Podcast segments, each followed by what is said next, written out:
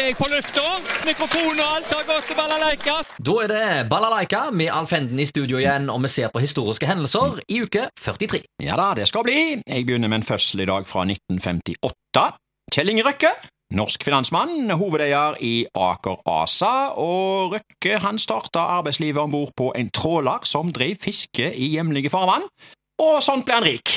Eh, Sånn Ja. kom Røkkeløkka. Ja, ja, men han eh, har jo slått seg opp på industri, da. Så Ja da. først var det jo fisker, han gikk jo konkurs flere ganger, og det var mye fram og tilbake. Og så, etter hvert år, så uh, han seg jo, han eh, sammen med Gjelsten, blant Ja da. annet.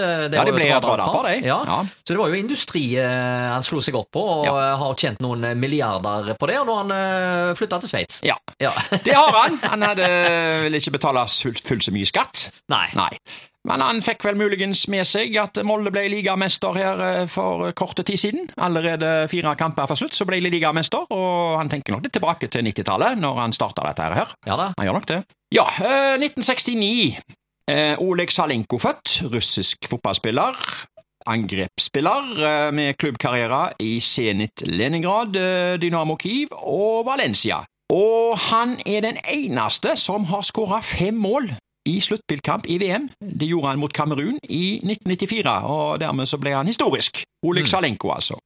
Hendelser internasjonalt 1648. Freden i Vestfalen gjør slutt på 30-årskrigen i Europa.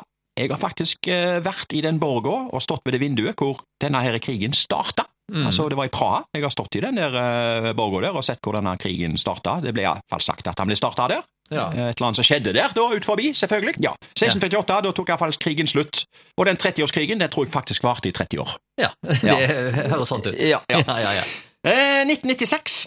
Torbjørn Jagland overtar som statsminister etter eh, Gro Harlem Brundtland. Eh, Det skjedde faktisk talt mens Jagland sjøl var hos frisør. Da gikk Gro opp på talerstolen, og ja, en eller annen talerstol, sikkert et landsstyremøte, da, vil jeg tro, og ga beskjed om at hun gir seg som statsminister.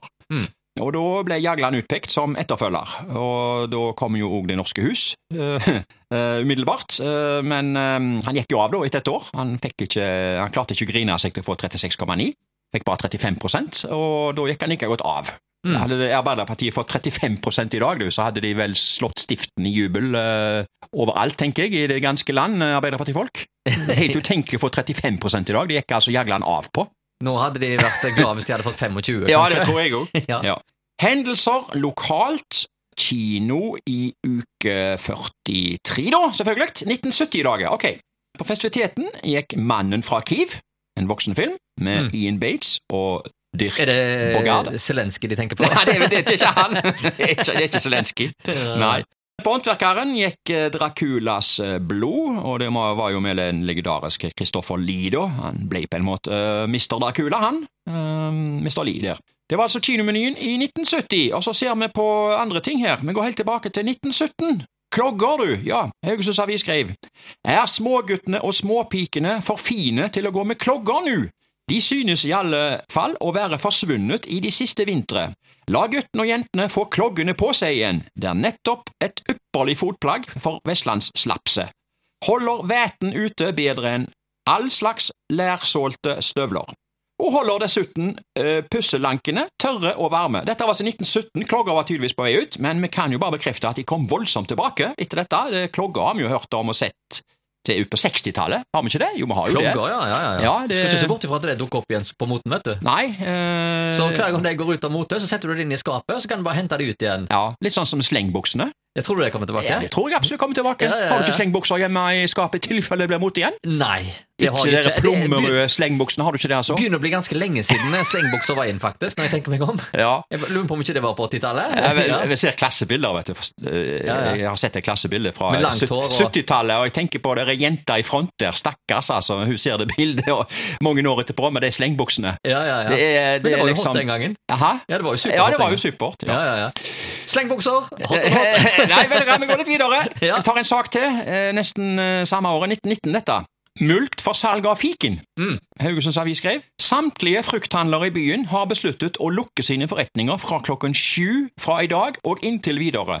Grunnen til dette er at samtlige frukthandlere er ilagt mulkt for å ha solgt fiken og konfektrosiner, sto det å lese. Og Dette her eh, Ja, jeg skjønner, håper jeg, skjønner ikke bedre av det, eller skjønner ikke fiken av det. eh, Hvorfor det skulle stenge her, skal vi se her. Eh, Altså, Fruktlandere hadde jo egentlig åpent da til klokka ni om kvelden, og ifølge mm, politivedtektene så hadde de imidlertid kun lov til å selge friske frukt etter klokka sju.